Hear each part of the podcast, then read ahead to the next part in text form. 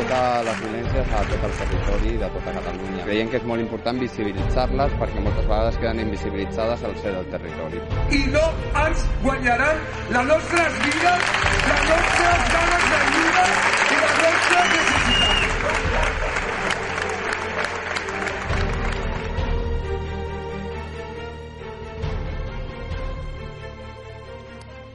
Què tal? Molt bona tarda. Sigueu tots molt benvinguts al Cultura Política, una tarda més. Avui parlarem de dos temes ben interessants. Atenció perquè parlarem, com acabem de veure, sobre el compromís de la societat d'avui dia amb el col·lectiu LGTBI. També parlarem sobre les agressions dels darrers dies a, a diferents persones a Barcelona, de membres d'aquest col·lectiu, no? del col·lectiu LGTBI. I també parlarem sobre, tornarem a parlar sobre salut mental, les mesures que s'haurien de tenir sobre salut mental a Catalunya Catalunya. Tot això al, al Cultura Política. Comencem.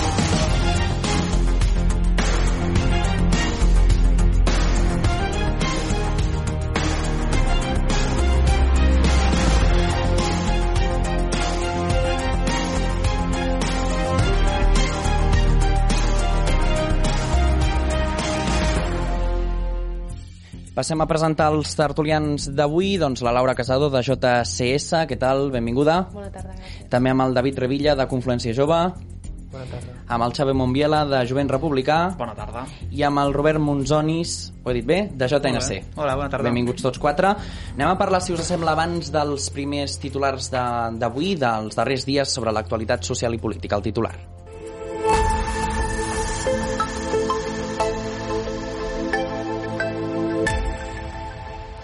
Primer dia de selectivitat i ahir ens adonàvem, bueno, arribava aquesta notícia a les portades dels diaris digitals, a continuació la veiem, en marxa la selectivitat marcada per la polèmica del TSJC. Gairebé 40.000 estudiants s'examinen des d'avui fins divendres per poder accedir a un grau universitari a partir dels cur del curs vinent.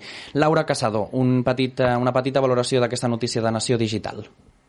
Bueno, eh, antes de que nada, desde los jóvenes de Ciudadanos de Cataluña nos gustaría mandar mucho ánimo y, mucha suerte a todos los estudiantes catalanes que estos días eh, se están, haciendo las pruebas de, de la EBAU. Y en relación a la noticia, eh, nosotros pensamos que eh, los estudiantes en Cataluña tienen que tener la oportunidad de elegir eh, cómo quieren realizar sus exámenes, en qué lengua quieren realizarla, porque tenemos la suerte de tener dos eh, idiomas oficiales en Cataluña y por lo tanto pues nosotros defendemos que cada estudiante elija el modelo de examen con el lingüístico que, en el que se sienta más cómodo. Mm. David Revilla. Sí, bueno, jo crec que la polèmica que ha sortit avui és bàsicament un, un més, un atac més contra la llengua no, que veiem cada dia aquí a Catalunya. Jo crec que amb unes dades eh, aquí a Catalunya no, un, només un 30% de la, de la gent té el català com a primera llengua, jo crec que ens cal fer molt, molta política lingüística i jo crec que hem, hem de reflexionar a partir d'aquesta notícia. Xavier Monbiela. Eh, doncs bé, bona tarda. A afegir-me també al que deia la Laura, no? molts ànims i encerts a tots els estudiants i les estudiants que, que s'avaluen de l'ESPAU i recordar a tots aquests estudiants que, que un examen no? o un conjunt d'exàmens no, no marquen al final ni, ni determinen com és una persona i els coneixements que té. I dit això, doncs, sobre la notícia, doncs, també ho apuntava el company de Confluència Jove, um, és un nou atac a la llengua catalana, Uh, però per sort no, avui hem vist com només un 1% de, dels estudiants que avui s'examinaven uh, han demanat l'examen en, en, bueno, els exàmens en, en castellà. De fet, abans no, abans d'aquesta sentència o d'aquesta decisió del Tribunal Superior de Justícia a Catalunya ja es garantia que els estudiants i les estudiants poguessin escollir la llengua i afegir que no I només no cert, eh? i afegir que no només són dues llengües sinó que són tres perquè també tenim l'aranès com a llengua oficial Doncs a veure si augmentem el Catalunya. número de, Uh, de la mateixa manera que l'Aran es pot escollir, a la resta de Catalunya doncs, també es pot escollir en català o en castellà si així es demana. L'única manera, no? o sigui, l'única diferència és que en, en aquesta edició, no? per dir-ho d'alguna manera, no? en, en, en aquesta espau, el que s'ha fet és remarcar més el fet a, a l'inici dels exàmens de que els estudiants també podien escollir en castellà el, l'examen, però ja dic, ha estat molt residual el número d'estudiants que, que ho han demanat. Robert. Bé, bona tarda a totes i a tots. Primer de tot, doncs, també donar molta força, molta empenta i molts encerts a tota l'estudiantat que està fent doncs, aquestes proves aquests dies, molt important doncs, pel seu futur. I dir doncs, que, que bé, opinant d'aquesta notícia, que estem doncs, davant d'aquesta ingerència, no? un cop més, davant d'una un, cosa que no generava cap tipus de problema ni polèmica, perquè de fet, doncs, ja, com bé apunta el company, hi havia un tant per cent molt, molt petit que escollia doncs, poder fer els exàmens en castellà, que evidentment els podia fer igualment, però en tot cas doncs, és una intromissió també que jo crec que genera també una certa crispació que és innecessària i que és un atac doncs, també a, un model d'immersió lingüística que és totalment eh, model d'èxit a la nostra societat i que no genera cap tipus de crispació. Per tant, doncs, a reformar la nostra voluntat de que es respecti la llengua catalana. I anem a veure el següent titular i últim per avui sobre la polèmica que es va avivar. Junqueras veu els indults com un gest que alleuja el conflicte i qüestiona la via unilateral, segons informa el 324. Si et sembla, Robert, comencem per tu um, i fem la ronda del revés. Bé, s'ha creat uh, una miqueta de, de polèmica respecte a aquesta notícia. Nosaltres dic que com a, com a Junts, que diguéssim, com a JNC, defensem que el pacte de govern que, que s'ha fet entre Junts i Esquerra no renuncia a cap via per aconseguir la independència de manera pacífica i democràtica, per tant nosaltres ens senyim amb aquest pacte de govern independentment d'un comentari puntual que hagi fet un líder polític que, que crec que s'ha de, de posar cadascú en el seu context i en tot cas crec que no s'ha de treure de, de, de, de mare i nosaltres ens senyim amb el pacte de govern que tenim. Xavier, és traïció com alguns, eh, algunes persones deien a les xarxes socials? Bueno, la traïció segons les, la bombolla de les xarxes socials i, i és sempre no? per part d'Esquerra Republicana al final doncs, eh, es qüestiona no, contínuament que, que la primera força independentista de, del país no, i, i qui governa la Generalitat són uns traïdors, són uns botiflers, estem acostumats a això. Ah, no, no és traïció, al final el que diu Junqueras doncs, té, té tot el sentit. Els indults ah, són la manera no, d'augerar el, el patiment que estan patint uh, valga la redundància, no? el patiment que estan patint les famílies que tenen a, a, bueno, els presos a la presó i el propi patiment dels presos que, que, bueno, que estan patint penes molt dures, de, com és el cas de l'Oriol Junqueras, un, un traïdor no? que, que hi és uh, condemnat més de 13 anys per, per l'organització del referèndum de l'1 d'octubre. Uh, dit això, uh, des d'Esquerra Republicana i des de Jovent Republicà mai hem renunciat a la via unilateral, però sí eh, hem defensat sempre que apostem per una via dialogada i pacífica abans de la via unilateral, unilateral i que s'exploraran totes les vies. I per nosaltres la nostra aposta ara i és en la taula de diàleg i és, doncs, com deia, en trobar la solució pacífica i democràtica. Mm -hmm. sí, Endavant. Jo um, comencem a mica reflexió i és que jo crec que més que traïció, jo crec que la paraula que donaria serà canvi, no? És a dir, en una legislatura que veiem que on es torna a repetir una mica el mateix constantment, no? On no hi ha un govern, sinó que continuem amb aquest desgovern constant a la Generalitat de Catalunya, on el pla és constantment continuar sense pla. Jo crec que és molt positiu, no per tots i per totes, que hi hagi hagut aquest canvi, no? que comencem a veure coses que canvien dintre del moviment independentista, perquè, com deia la, la de Colau, no? um, si el que hem fet durant tots aquests anys ens han portat fins aquí, jo crec que cal, és, jo crec que és cert que cal fer canvis, que hi ha alguna cosa que, que cal un, que és, hi ha algunes coses que no es poden tornar a repetir, per tant, jo crec que um, aquesta notícia és positiva, és bona per tot Catalunya, i jo espero que amb, el, amb, amb els indults podem començar a caminar i buscar altres També vies. També afegeixo, perdó, eh? és una notícia que en part és oportunista per una carta que ha escrit Oriol Junqueras, que la va escriure ahir o, o, o fa pocs dies, no? però eh, recentment l'Oriol Junqueras i la Marta Rovira van escriure un llibre, Tornarem a vèncer, eh, el recomano a tothom, que marquen quina és l'estratègia del partit, no? quina és l'estratègia d'Esquerra, i determina no, quines han estat eh, totes aquelles errades, quines han estat les nostres debilitats i com s'han de superar aquestes errades i aquestes debilitats. Ja dic, no és un canvi en l'estratègia d'Esquerra Republicana i, ni de Jovent Republicà, perquè l'estratègia des de fa molt de temps és la mateixa. Ja dic, la notícia eh, té un cert punt potser d'oportunisme, no? Ara que s'apropa, doncs això, la taula de diàleg, que s'apropa la trobada entre el president del govern espanyol i el president de la Generalitat de Catalunya, no? Una sèrie de, de fets que, bueno, doncs fan no, que, que la notícia tingui mm, molt més impacte. Però ja dic, si us llegiu el llibre, que y no fa puede ser mesos... y no puede ser que el gran mártir que es para el independentismo y en especial para la izquierda republicana Uriol Junqueras se baje del carro de lo que es el, el, la unilateralidad del procés en Cataluña o sea yo creo que si los propios dirigentes de, de este camino que llevamos ya años eh, están intentando bajándose del barco, espero que sea porque es el final o nos acercamos al final de lo que es el, el quebradero de cabeza del, del Prusés. También me hace mucha gracia, pues eso, precisamente ver a dirigentes de, de Esquerra y también del, independen- del independentismo intentar un poco tapar el sol con un dedo, intentando interpretar cuáles son las palabras de, de, de Uriol Junqueras. Mm, Creo que hoy mismo ha salido Gabri- Gabriel Rufián diciendo que bueno, que había que entender que era una persona que había pasado mucho tiempo en prisión, que casi lo estaba eh, tachando de lunático, ¿no? Como, como Don Quijote que ve eh, molinos de viento en gigantes. O sea, quiero decir, la verdad es que eh, es gracioso, ¿no? El compañero hablaba de diálogo. Jolín, pues en los, en los, eh, en los plenos en los que se saltaron el marco constitucional y atropellaron mm, derechos de la oposición y de millones de catalanes, no se acordaba del diálogo. Con lo cual, me alegro si el señor Junqueras está recapacitando, mm, más vale tarde que nunca. Una buena no noticia. és recapacitar, o sigui, no és recapacitar, és eh, el que s'ha dit sempre, buscar, el, o sigui, explorar totes les vies, explorar totes les vies, i en parles dels plens al Parlament, eh, no es van vulnerar drets. El Home. procediment, el, el reglament del ple, estableix quin és el, procedi- el procediment dels processos que passen pel ple i es va respectar en tot moment. Jo crec que no.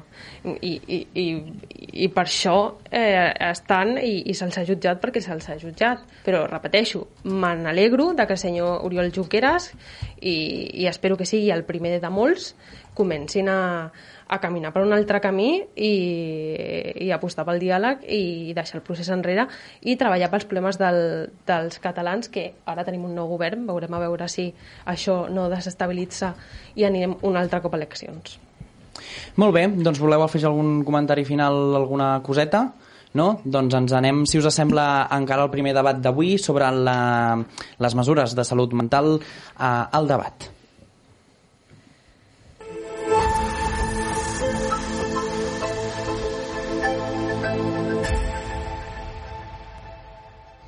Doncs les mesures de salut mental que fa, fa poques setmanes enrere vam parlar també sobre el tema del suïcidi. Avui parlem una mica àmpliament sobre la salut mental, sobre la gestió emocional eh, i sobretot a les aules, perquè és, eh, no sé si esteu d'acord, però seria doncs, el més principal per créixer en una societat millor.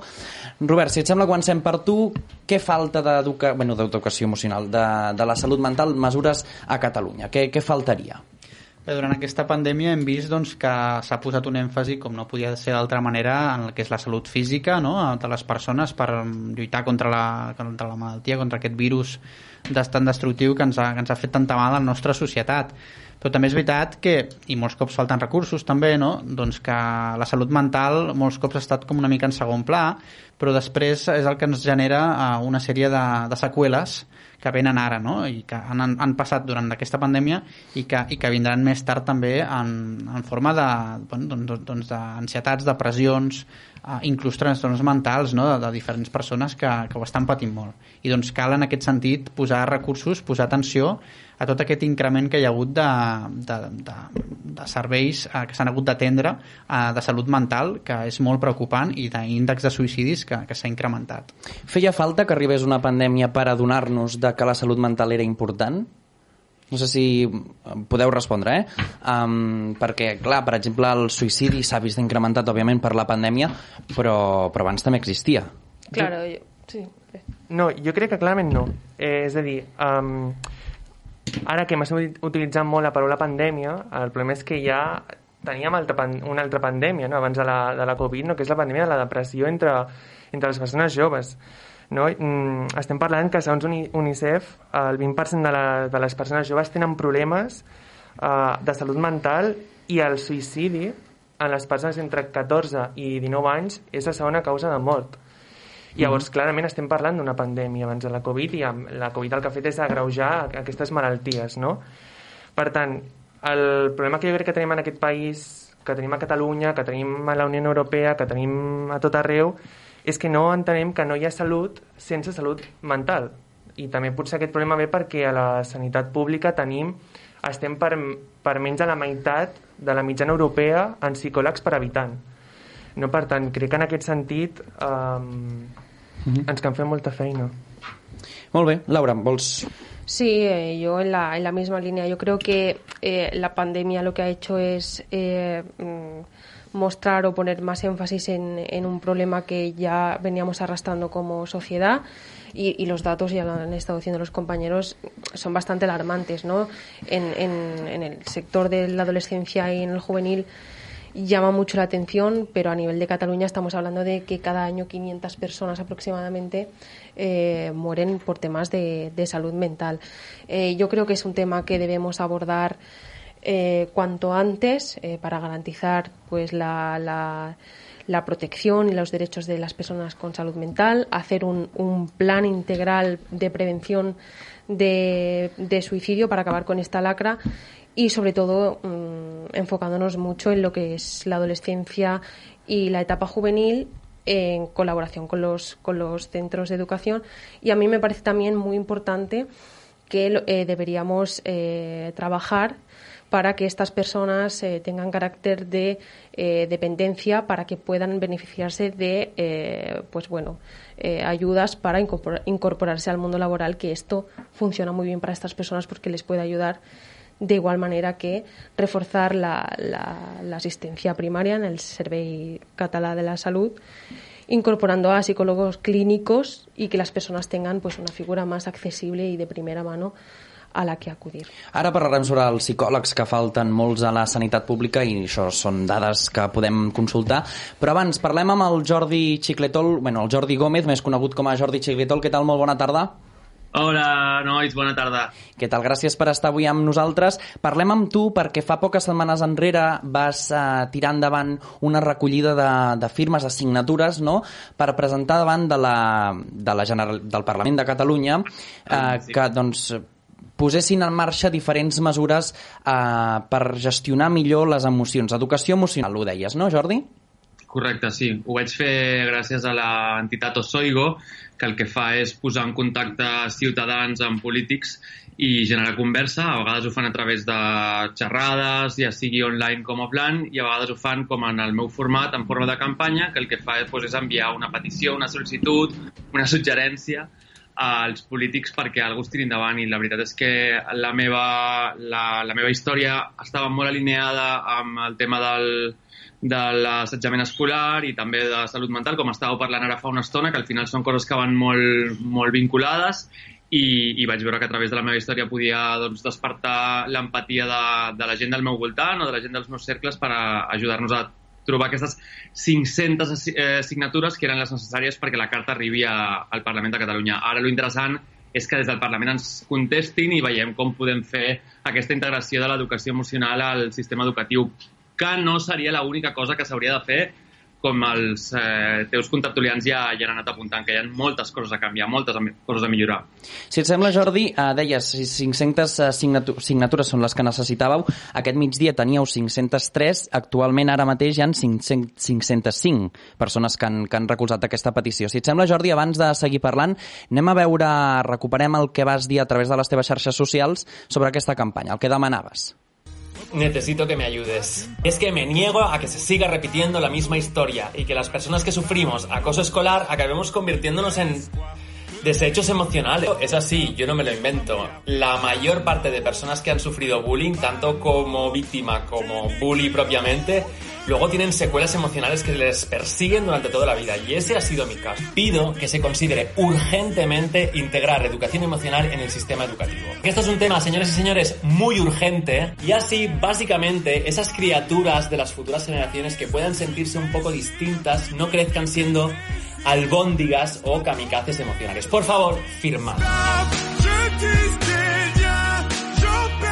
Doncs Jordi Xicletol, això és el que, el que deies a les teves xarxes socials. Eh, L'acollida, com dèiem, ha sigut eh, doncs, positiva. Heu arribat a, a que esperar no? a que la Generalitat eh, us contesti. Per tant, suposo que content, no?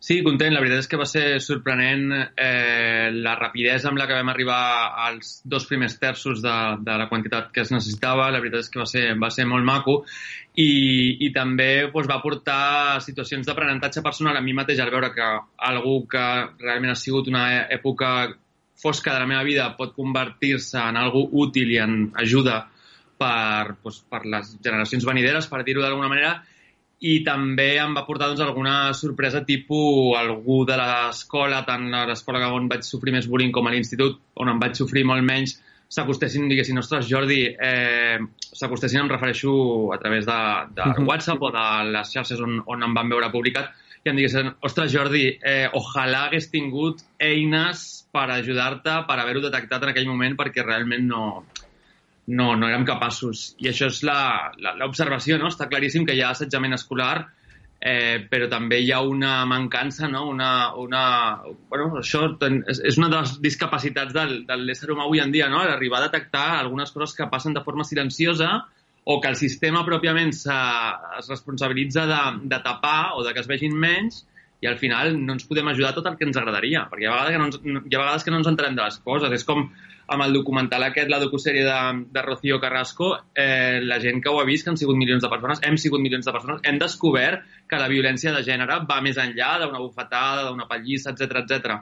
Doncs el mateix passa amb l'assetjament escolar. No només és una bufetada, no només és eh, un maricón, un negre, eh, és moltíssimes coses. Jordi, una cosa molt interessant que també demanes doncs, en aquesta petició és que eh, doncs, es, es comenci a treballar per això, no? per aquestes eh, mesures a, a la Generalitat, tant per víctimes com per eh, assetjadors, en aquest cas, no?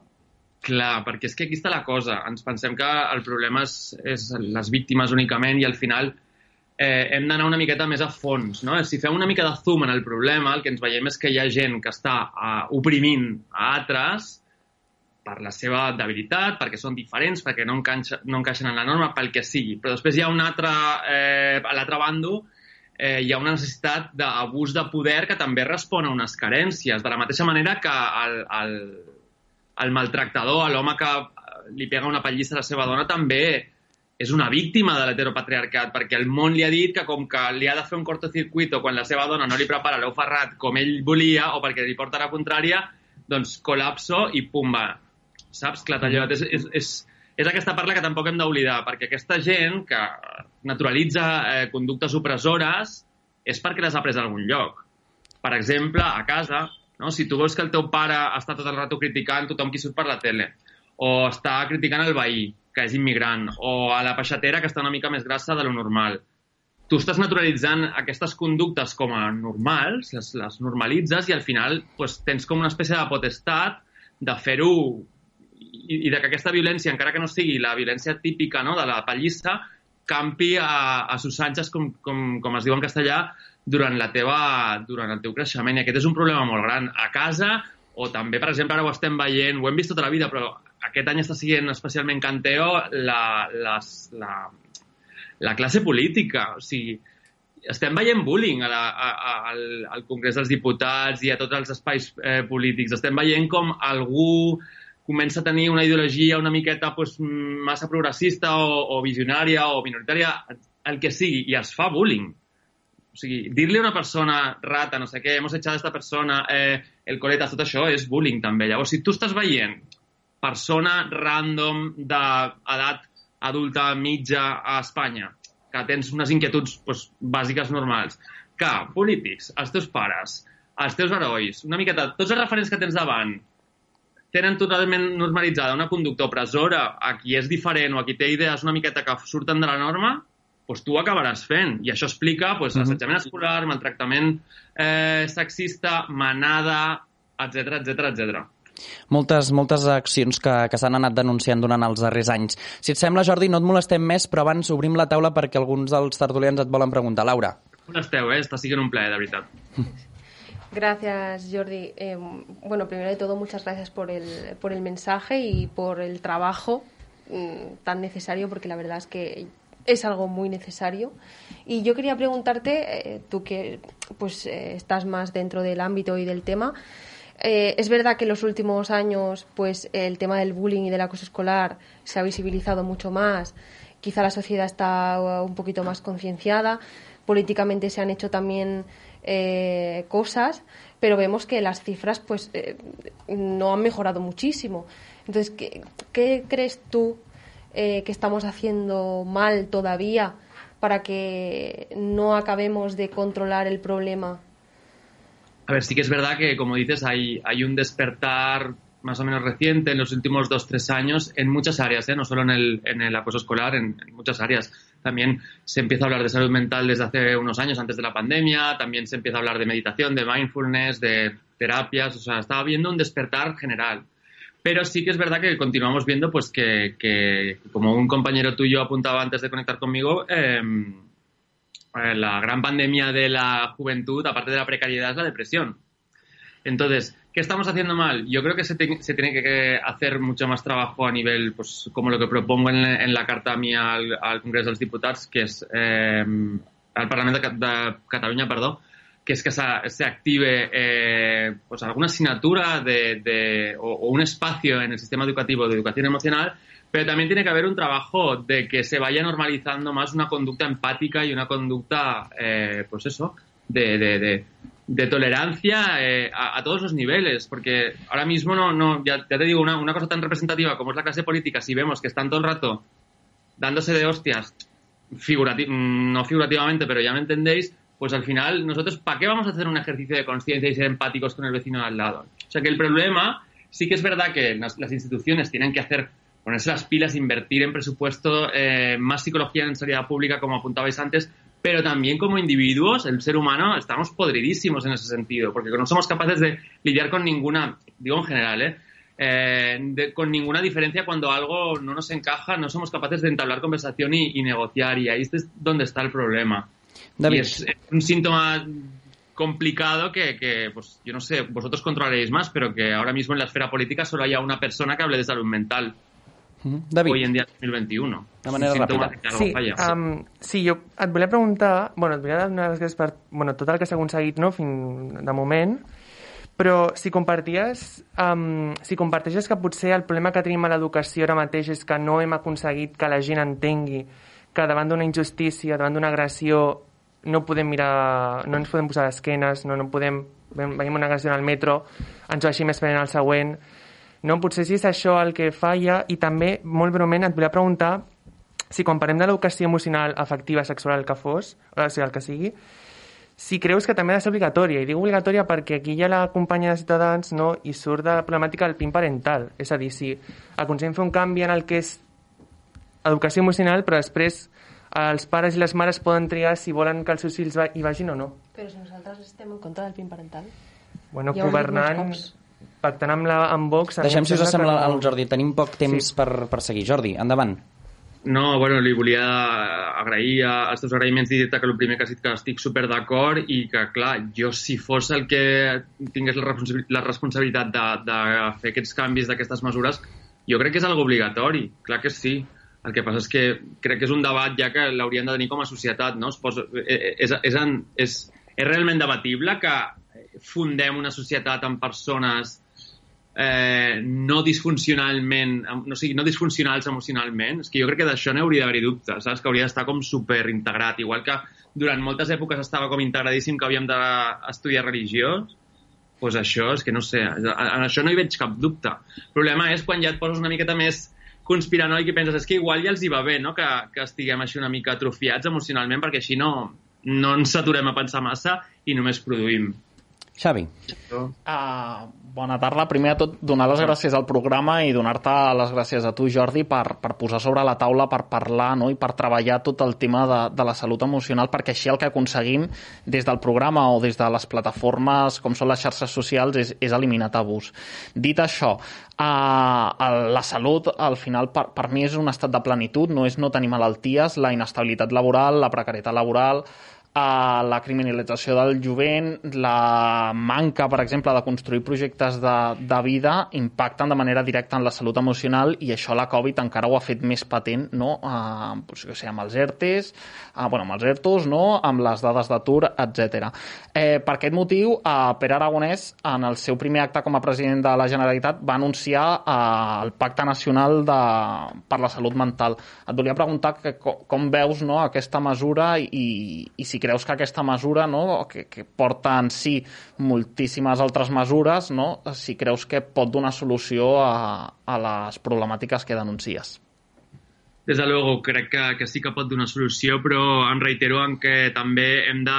O sigui, les, les accions han de, han de, han de materialitzar-se i fer-se tangibles quan abans. Llavors està bé que les lleis s'apliquin i, que, i que tot això sempre sol ser una miqueta com més ralentitzat, igual que estem veient amb, amb lleis que, que pretenen afavorir a les minories o com el col·lectiu LGTBI o, o les persones trans, però el que necessitem també veure és que les persones que ens representen són les que s'apliquen al, al canvi no? I, que, i que hi hagi aquest, aquest, eh, aquest, aquest demostrar d'un esperit empàtic i tolerant a tot arreu. I això, ja et dic, per molt que comencem a veure que s'activen polítiques noves, també ho hem de veure amb ells com a persones, perquè igual que jo sempre defenc com a expert en cultura pop que les eh, estrelles de cine i de música són persones i això té una part bona i una part dolenta, doncs els polítics igual, ens han de, ens han de demostrar aquesta humanitat. I a mi, a, a la casta política, especialment en gent de més de... I ara m'ho dirà molta gent sentir això, però hi ha una, una casta política de més de 45 anys que no em sento gens, no sé si us passa el mateix,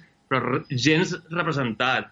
Llavors, tinc ganes de començar a veure com sou vosaltres els que ocupeu aquests espais i, i llavors allà serà quan començaré a veure esperança. Però per ara, en aquest sentit, que em prometin que hi haurà una llei hasta que no lo vea, saps? Hasta que no vegi aquella, aquella eh, estadística baixar, no respiraré.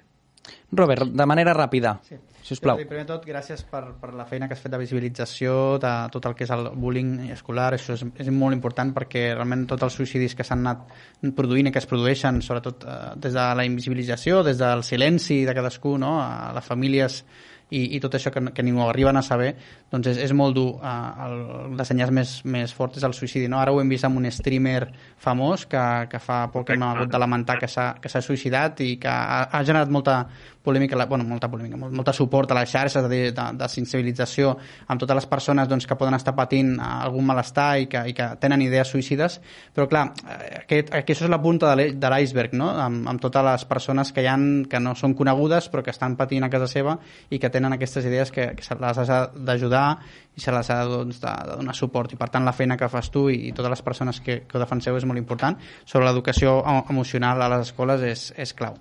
Doncs moltíssimes gràcies, Jordi Xicletol. Gràcies a vosaltres, una abraçada molt gran. Una abraçada. Doncs nosaltres seguim parlant, si us sembla, fins a... Falten pocs 3 minuts per acabar aquest primer debat, però us volia ensenyar unes dades, com hem dit abans, que a Espanya actualment, segons informa el país, eh, hi han 6 psicòlegs per cada 100.000 habitants al Sistema Nacional de, de Salut, tres vegades menys que la mitjana europea. Què us semblen aquestes dades? Jo com a psicòleg haig de dir que és una vergonya, primer de tot, defensant la professió i que, mm -hmm. que evidentment que amb més psicòlegs, amb ràtio de més psicòlegs per habitant, doncs aniríem molt millor i es podrien doncs, tractar molts problemes que ara mateix estan totalment destractats.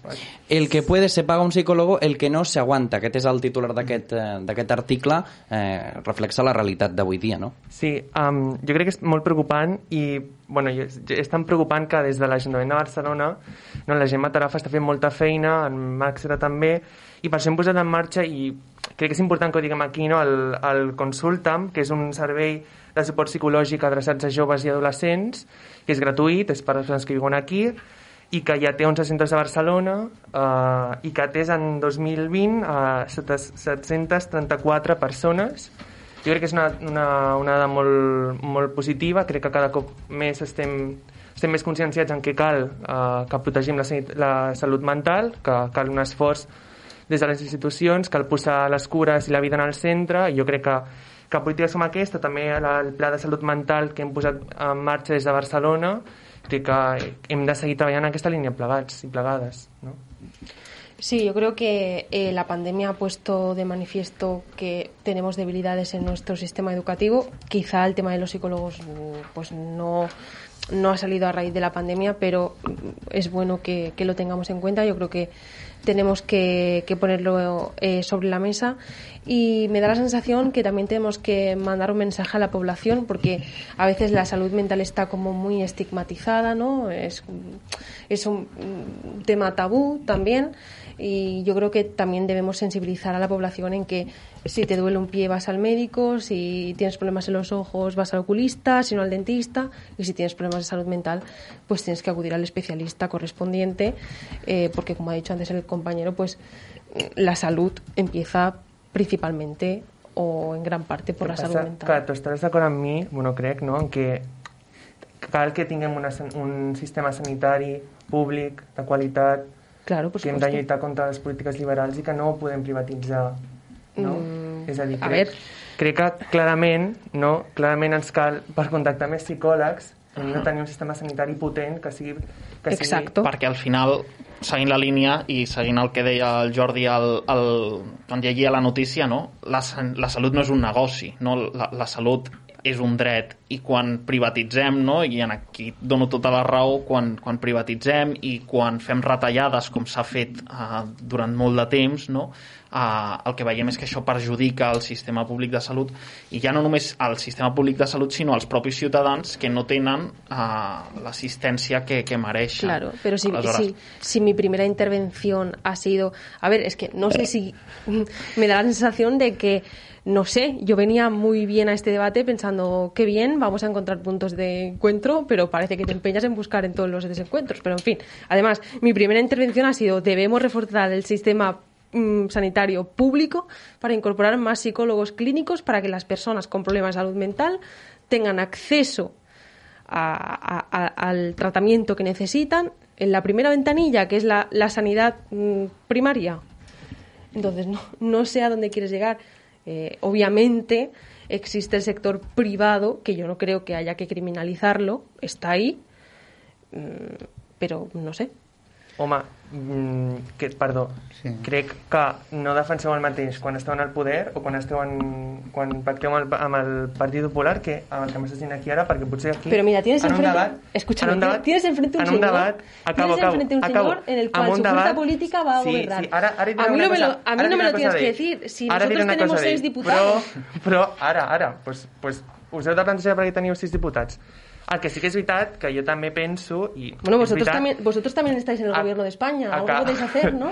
Digo. El que a mi també em sembla preocupant, i això també que, crec que és mm, que s'ha de fer un pensament, no? Mm, Heu estat en el govern amb Junts per Catalunya i no heu aconseguit eh, al davant de la Conselleria de Salut re, um, revertir les retallades. Massa. és a dir, crec que és preocupant anys també. i- i Aquí a ha- Catalunya tenim la segona pitjor hi ha, sanitat hi ha de tot fonts que l'estat. indiquen que s'han revertit les retallades, s'ha invertit sobretot, sobretot en atenció pública. Hi ha uns plans ara eh, que la consellera Vergés eh, va posar en marxa uns plans a, a llarg termini, no? que, que bueno, a llarg, mitjà i llarg termini no? que s'estan posant en marxa i s'està treballant amb això i s'ha invertit com a mai eh? en, en sanitat i parlant de salut emocional el sistema d'emergències mèdiques de Catalunya ha estat dotat eh, recentment amb 90 psicòlegs més per donar a- això, no? per donar resposta a aquesta emergència sobre, sobre salut emocional i, si, i estic seguríssim no? que, que el conseller Argimon seguirà treballant en aquesta línia i estem governant, sí, ara tenim la presidència, ja ho deia abans eh, quan li preguntava a en Jordi Um, estem, la, prim, la primera cosa que va fer el conseller, el conseller, el president aragonès, va ser dir que posaria en marxa un pacte nacional de la salut. Clar, sense tenir la Conselleria de Salut. Bueno, però al En final... una pandèmia, Però, però, és que- un pacte però- nacional, un pacte nacional, un, po- posar en marxa un pacte nacional significa no fer una llei, no? No, no fer un decret, sinó un pacte nacional, el que suposa és que tant com Esquerra, tant com Junts, com Comuns, com Ciutadans, com el Partit Popular, com el Partit Socialista, davant del Parlament de Catalunya arribin a un acord, perquè això és el que significa un pacte nacional. Un pacte nacional és agafar, fer un debat propositiu i arribar a qüestions en les quals estem d'acord per tirar endavant.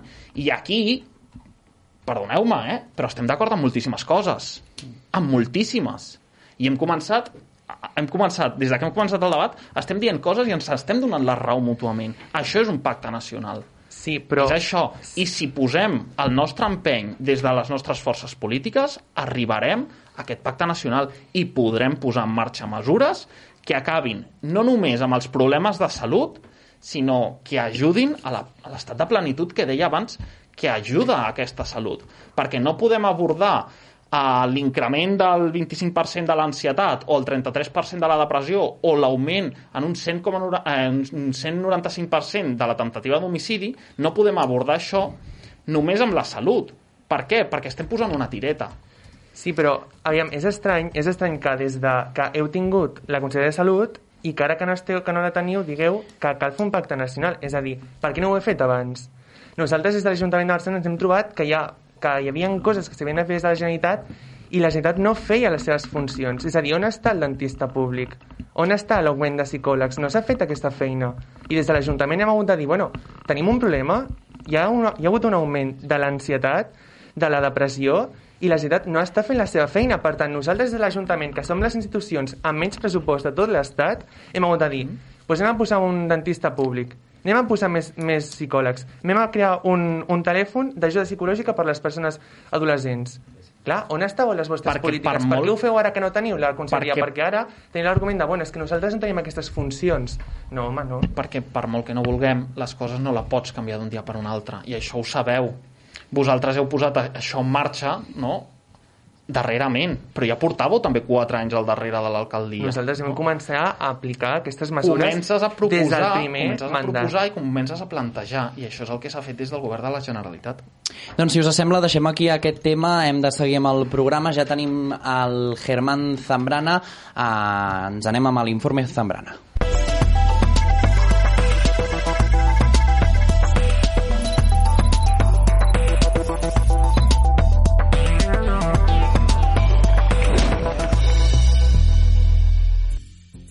Què tal, Germán Zambrana? Molt bona tarda. Bona tarda. Avui parlem sobre com comunicar els indults, que està molt de... sobre polèmica, no? Exacte, exacte. Endavant. Bueno, una mica plantejava aquest tema perquè aquestes setmanes, eh, no parlo de les passades sinó les properes, es parlarà molt dels indults. Uh, i, I és interessant a nivell comunicatiu, a nivell de màrqueting polític, que, que és, com s'està plantejant això. Per una banda, eh, jo crec que hi ha dos jocs a nivell comunicatiu i dues tendències, que són les que voldria comunicar. Una, la forma en què està intentant comunicar el PSOE intentant justificar els indults i el per què, que, que és el que voldria explicar, i una altra part, tot el tema com ho està plantejant l'oposició, és a dir, PP, Ciutadans i Vox. Uh, en aquest sentit, uh, jo veig una cosa molt clara, i és que el, el PSOE, quan va perdre les eleccions a Madrid, que va decidir posar sobre la taula el tema dels indults. No és una cosa menor, és una cosa decidida i premeditada, jo penso, uh, que el que volen aconseguir és vale, van perdre les eleccions de Madrid, des de llavors totes les enquestes preelectorals diuen que el PP puja molt, uh, sense que Ayuso sigui la presidenta, i el que han decidit bàsicament és posem sobre la taula el tema dels indults per alimentar el que va funcionar el 2019, que és davant els indults, mira quina dreta tenim, que s'ajunta, que va Colón, que quan arriben moments importants per la història política d'Espanya, Vox, Ciutadans i el PP són el mateix. I és el que està intentant aconseguir el PSOE. Ok, nosaltres posem sobre la taula un tema d'interès general com són els indults i jo que aconsegueixo és alimentar l'extrema dreta que és una mica l'objectiu i és el que es veurà a la manifestació famosa de Colón que, que es durà a terme. Això seria per una banda. Els indults, eh, segons Pedro Sánchez, seria una eina per, per netejar una mica, per passar pàgina a, a Catalunya. Això com, com, com s'encara? És, és una manera per, per vendre-ho millor? Jo crec que els indults... Eh, en Pedro Sánchez és una persona llesta i segurament té assessors molt bons. Fixa't que ja no es parla de Madrid. Ja hem canviat el marc. Hem canviat el marc mental. Ara són els indults. Uns indults que han provocat que tota la dreta estigui tornant a ser reactiva en base a tot el que diu Vox. O sigui, el que està intentant Pedro Sánchez ja no és que intentar desencallar el conflicte català, sinó és eh, moderar el creixement de la dreta tornant a dir, mira, el PP i Ciutadans són, el, el mateix que Vox. Una mica el que jo crec que està intentant el, el PSOE. D'altra part, tenim tot, tot l'entramat estratègic que està intentant fer l'oposició. Uh, han posat de moda un concepte que avui, avui escoltava a Feijó, parlar d'autoindulto. I parlar d'autoindulto ho fan perquè diuen bàsicament el que està fent el govern és autoindultar-se perquè Esquerra Republicana, els independentistes, la, la gent que va eh, desacatar la Constitució, que va fer un referèndum unilateral, que pràcticament va fer una declaració unilateral d'independència, s'està autoindultant per seguir en el poder. Uh -huh. I aquestes són les, els dos relats que ara mateix nominaran l'opinió pública en les properes setmanes. Uh, Pedro Sánchez, òbviament, té una necessitat, que és parar el creixement de la dreta i aconseguir que es torni a dir que el PP i Ciutadans són el mateix que Vox, que aquest seria el primer objectiu, i ells el que volen és associar no? Pedro, eh, el PSOE als seus socis i, i, i Esquerra està, el que està fent Pedro Sánchez és autoindultar-se ell mateix tot per, per, per continuar en el poder doncs veurem què passa. Germán Zambrana, moltíssimes gràcies. Gràcies. Bona tarda. Doncs seguim amb el programa. En aquest cas, a continuació, parlarem sobre el compromís amb el moviment LGTBI.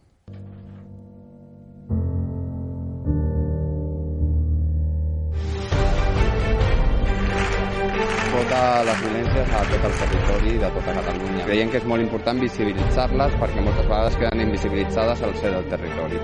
I no ens guanyaran les nostres vides, les nostres ganes de viure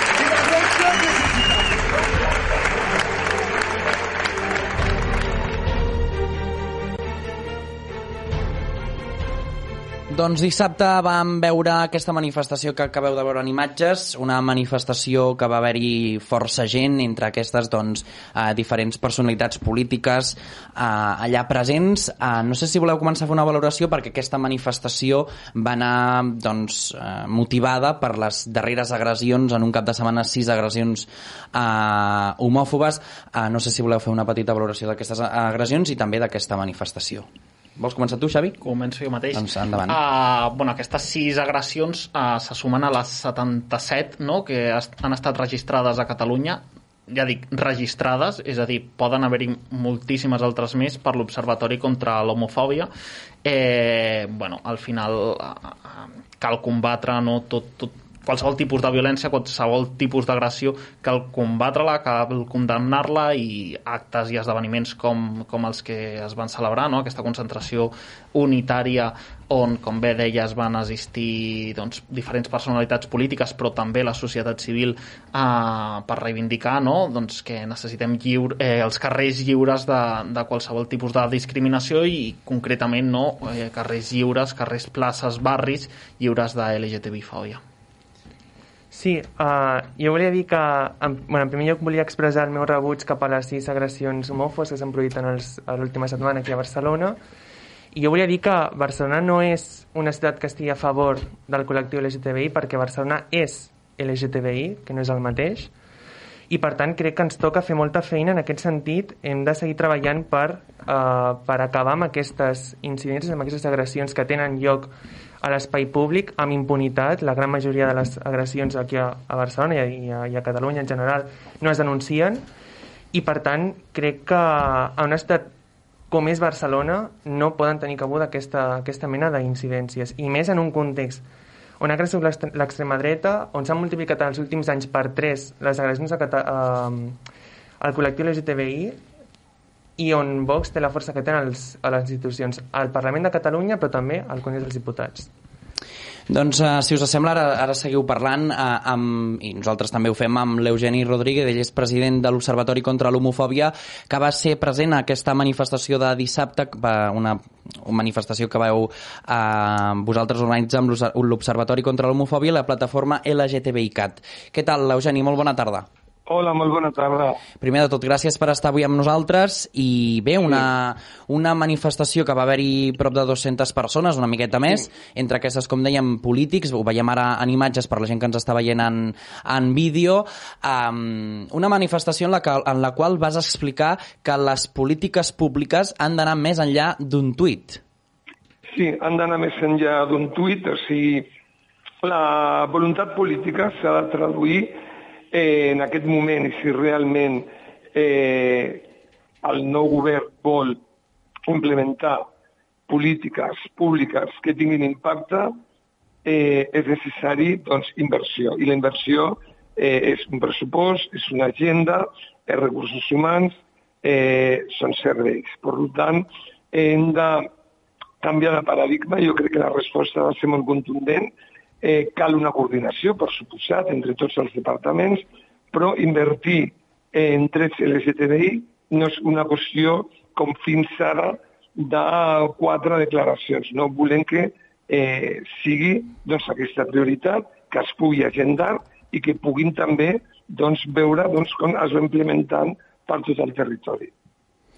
Uh, eh, Eugenio, Eugeni, perdona, um, el mes de novembre nosaltres en aquest programa vam parlar d'aquest tema sobre les agressions homòfobes perquè en un cap de setmana van resultar sí. dues agressions en, en només un dia de diferència. Uh, ara ha tornat a passar amb un grau de violència sí. molt més alt que de fet ha sorprès també uh, els, bueno, els comitès, a les organitzacions i també al, a la policia, no?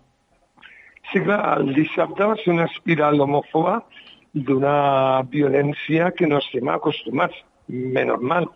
No estem parlant de que va haver-hi doncs, a Gràcia al matí, no? amb un noi doncs, que li van insultar, el patró es va repetir eh, els, els tres episodis, amb una puntada de peu a la mà, a les 9 de la nit a l'auditori d'un altre jovenet doncs va ser interpel·lat i li van rebentar el nas i la, molt, molt greu per la seva violència, per la seva forma d'entrar a la platja al crit de maricones de mierda, els que muevan la ceja los mato. Ja comencem amb una amenaça de mort, amb un delicte d'odi i bueno, amb un resultat de, de lesions molt greus amb un dels quatre nois de les dues parelles de gais que hi havia, doncs, que va acabar doncs, amb una intervenció quirúrgica per posar-li la mandíbula bé i amb un impacte en la seva salut, que són les dents.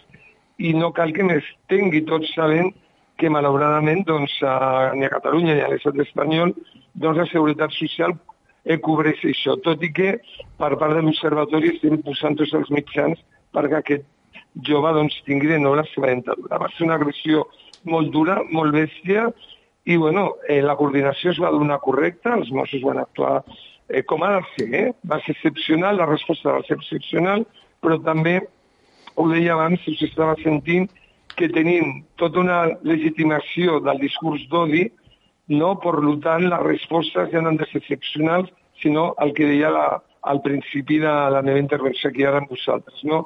Cal, i, i jo ja estic, he demanat això a la nova conselleria, volem, una, volem un pla concret, agendat, de com té previst el govern de la Generalitat fer polítiques de prevenció, polítiques proactives i a tot el territori, independentment del color polític de l'Ajuntament.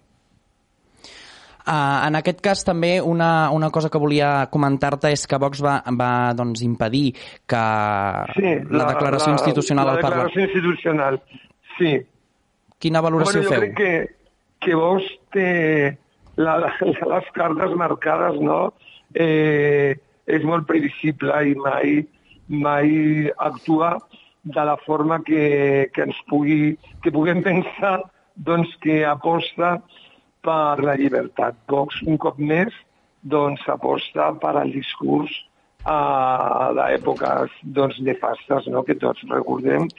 I també crec, canviant una miqueta de tema, no? que el Parlament de Catalunya doncs, s'hauria doncs, de canviar el reglament doncs, perquè les declaracions institucionals puguin ser per una majoria qualificada, perquè si no tindrem a vos sempre eh, en contra de tot el que sigui referent doncs, a dones, LGTBI, antiracista.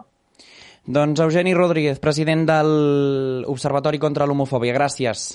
Per estar amb nosaltres. Gràcies a vosaltres. Molt bona tarda. Molt bona tarda, una abraçada. Doncs eh, és que, clar, això va molt més enllà de tenir eh, la foto de perfil de les xarxes socials, la bandera LGTBI. Això va molt més enllà de portar una mascareta amb la bandera LGTBI. Això va de respecte i de... I de, i és que de respecte, no sé si esteu d'acord.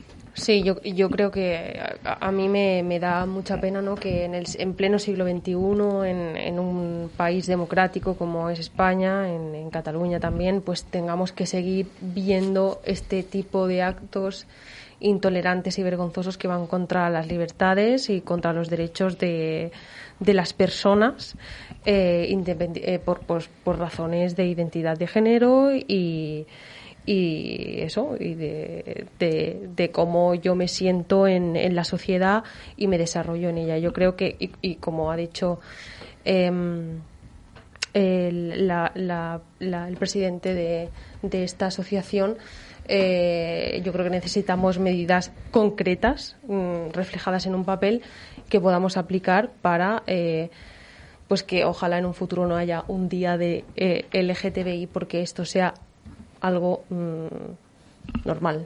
Però és difícil de creure perquè si veiem, per exemple, el 2019, eh, condenado a un año y siete meses de prisión por una agresión homòfoba en Castelldefels. Un any i set mesos de presó i sanció, una sanció de 8.000 euros. El fiscal pide nueve meses de cárcel al vigilante de un McDonald's de Barcelona por no impedir una agresión homófoba. También reclama 18 meses de prisión para el autor de las amenazas homófobas al joven. Una altra, condenada a seis meses de prisión a una mujer que vejó a dos lesbianas en el metro de Barcelona. Són tres titulars de tres agressions diferents. Clar, jo així mmm, no m'estranya que passi tot plegat al final hi ha una impunitat que és la que denunciava uh, l'Eugeni i, i ja no només una impunitat, ja, ja és el foment de la violència també, com, com deia en David abans, de, de Vox a les diferents cambres legislatives uh, ja no només de Vox, sinó del Partit Socialista al Congrés dels Diputats vetant la llei trans, o de Ciutadans en, munic en municipis, en comunitats autònomes, un governa, que també ho deia el David abans, a, a favor del PIN parental, i em dirà, no, és que pero nosaltres no estem a favor del PIN parental, por però favor, hi doneu que suport. Decimos, però hi lo que doneu decimos, que suport a estamos en contra del PIN parental. Mira, está muy bien Sí. ir con la bandera de, Sí. de todas estas causas, pero Sí. mm, mm, no, No, sois los pero, eh, únicos. pero es que no, ¿Sabes lo pero, que pasa? ¿sabes? ¿Sabes, Mira, ¿sabes el problema que tenemos la cosa es que no, no ¿sabes es el problema la como sociedad? ¿Sabes el problema que tenemos? Que no vamos todos en una misma dirección y que algunos se creen con la licencia de decir en estos mm, discursos quién entra y quién no. És que vosaltres, no és que avanzamos. vosaltres, No. us- és que eso vosaltres, no però és que vosaltres sou els que porteu la bandera. Vosaltres No, no. porteu la bandera. No No, no no, no, no, no. Una cosa molt diferent és portar la No. bandereta i donar-li voltetes així quan aneu a les manifestacions, als actes No, de no, no, campanya no. electoral, però Mira. quan de, de veritat heu de sentir el col·lectiu LGTBI i les demandes que aquest col·lectiu té, comenceu a parlar de drets com el de, dret a la llibertat d'expressió, dret a la lliure educació, ara no deixem que es formin els nens, ara no parlarem de, dre de drets LGTBI als nens, no sea que mi hijo salga homosexual. Pero, ¿de quién estás Aleshores, hablando? ¿De això, hablando? Això vosaltres Mira, hi doneu suport. A que leas nuestro això programa. hi doneu Léete suport. nuestro programa, Però- por favor. Puc Léete nuestro però, programa. ah, sobre el paper tot queda Le- molt bonic. léete sobre el nuestro paper programa tot queda para molt las, bonic. para las anteriores elecciones en Cataluña. Léetelo. Que yo me'l está llegeixo, muy bien, que sí, llegiré que ya sabemos todos que vosotros lleváis estas banderas. Però que no más portar grande, la bandera, però és la que jo no más porto, grande. però és que jo no porto Pero la ¿sabes lo que- bandera. que está muy però bien és la que jo no reclamación, porto la está muy bien la bandera. reclamación, Jo no pero porto mira la lo que, bandera. mira lo Una que nos miqueta están d'ordre. pidiendo. Mira lo que nos están pidiendo. Eh, Jo- acciones. Jo no porto la bandera. Acciones. Jo el que porto és que com a persona del col·lectiu LGTBI no vaig segur al metro, no vaig segur de Val. festa. Això no és portar la bandera, això és tenir unes reivindicacions com a persona que pertany a un col·lectiu Y yo las que se sent comparto contigo. discriminat. Y yo las comparto contigo. Però ¿Por qué no nos podemos...? les podem compartir, ¿Por sí, qué, però por qué- després, por qué tienes tú la licencia de decirme toca, si yo puedo quan us toca, estar en esta causa o no? Quan us Porque Es lo, toca- que nos, es lo que nos pasa siempre. Quan us toca, y yo te no vuelvo a repetir, te invito a que leas nuestras Quan us toca, no hi Te sou. invito a que leas nuestras propuestas. però les propostes han estat molt bé, però quan us toca no hi sou. Deixem, si us sembla, acabar el... Porque no nos dejan, porque la manifestación que fuimos nos increparon. Home, Tuvimos jo, que ho poner- entenc, jo ho entenc perquè el problema que tenim en aquesta societat... Estamos és que sí, defendiendo sí, la tolerancia home, y aquí nos no, dicen que, enti- jo he dit, que entiendes he dit, que, no- que he dit, una manifestación nos parlar? increpen. Ens queden segons de programa, si us plau, Jo una el que miqueta d'ordre. Sí, Pues aquí tenemos el sí, problema. intervenir també perquè no ho he fet encara amb aquest tema si, si... Sí, Robert, i ara acabes tu. No, Ah. simplement, primer donant tot el suport i escalf a les víctimes, a víctimes d'agressions homòfobes, LGTBI fòbiques, eh, després agrair la feina que ha fet l'Eugeni i tot el seu equip de l'Observatori contra l'Homofòbia i totes les entitats que estan lluitant pels drets LGTBI. Dir també doncs, que a part de les sancions i a part de la legislació, que és importantíssim que sigui a favor dels drets LGTBI, també és important que hi hagi una educació sexual completa i integral a les aules, i això no hi és encara. Llavors jo crec que és un altre tema que a vegades no es toca, però que jo crec que és una mica l'arrel dels mals. No? Si hi ha una, una sèrie de mm, sensibilització a les aules, a tot el cicle educatiu, tot el cicle educatiu, una educació sexual, com per llei és, però a la pràctica no s'aplica, això eh, faria que, juntament amb tot el que són a la literatura LGTBI, al cinema LGTBI, tot el que és a la culturització de la nostra societat en sensibilització LGTBI, això faria molta, un, un molt favor al col·lectiu. Doncs moltíssimes gràcies a tots quatre, ens quedem sense temps, gràcies també a la gent de casa i volia dir una cosa, estimar és estimar, no, uh, que tothom faci el que li doni la gana. Gràcies i fins la setmana vinent.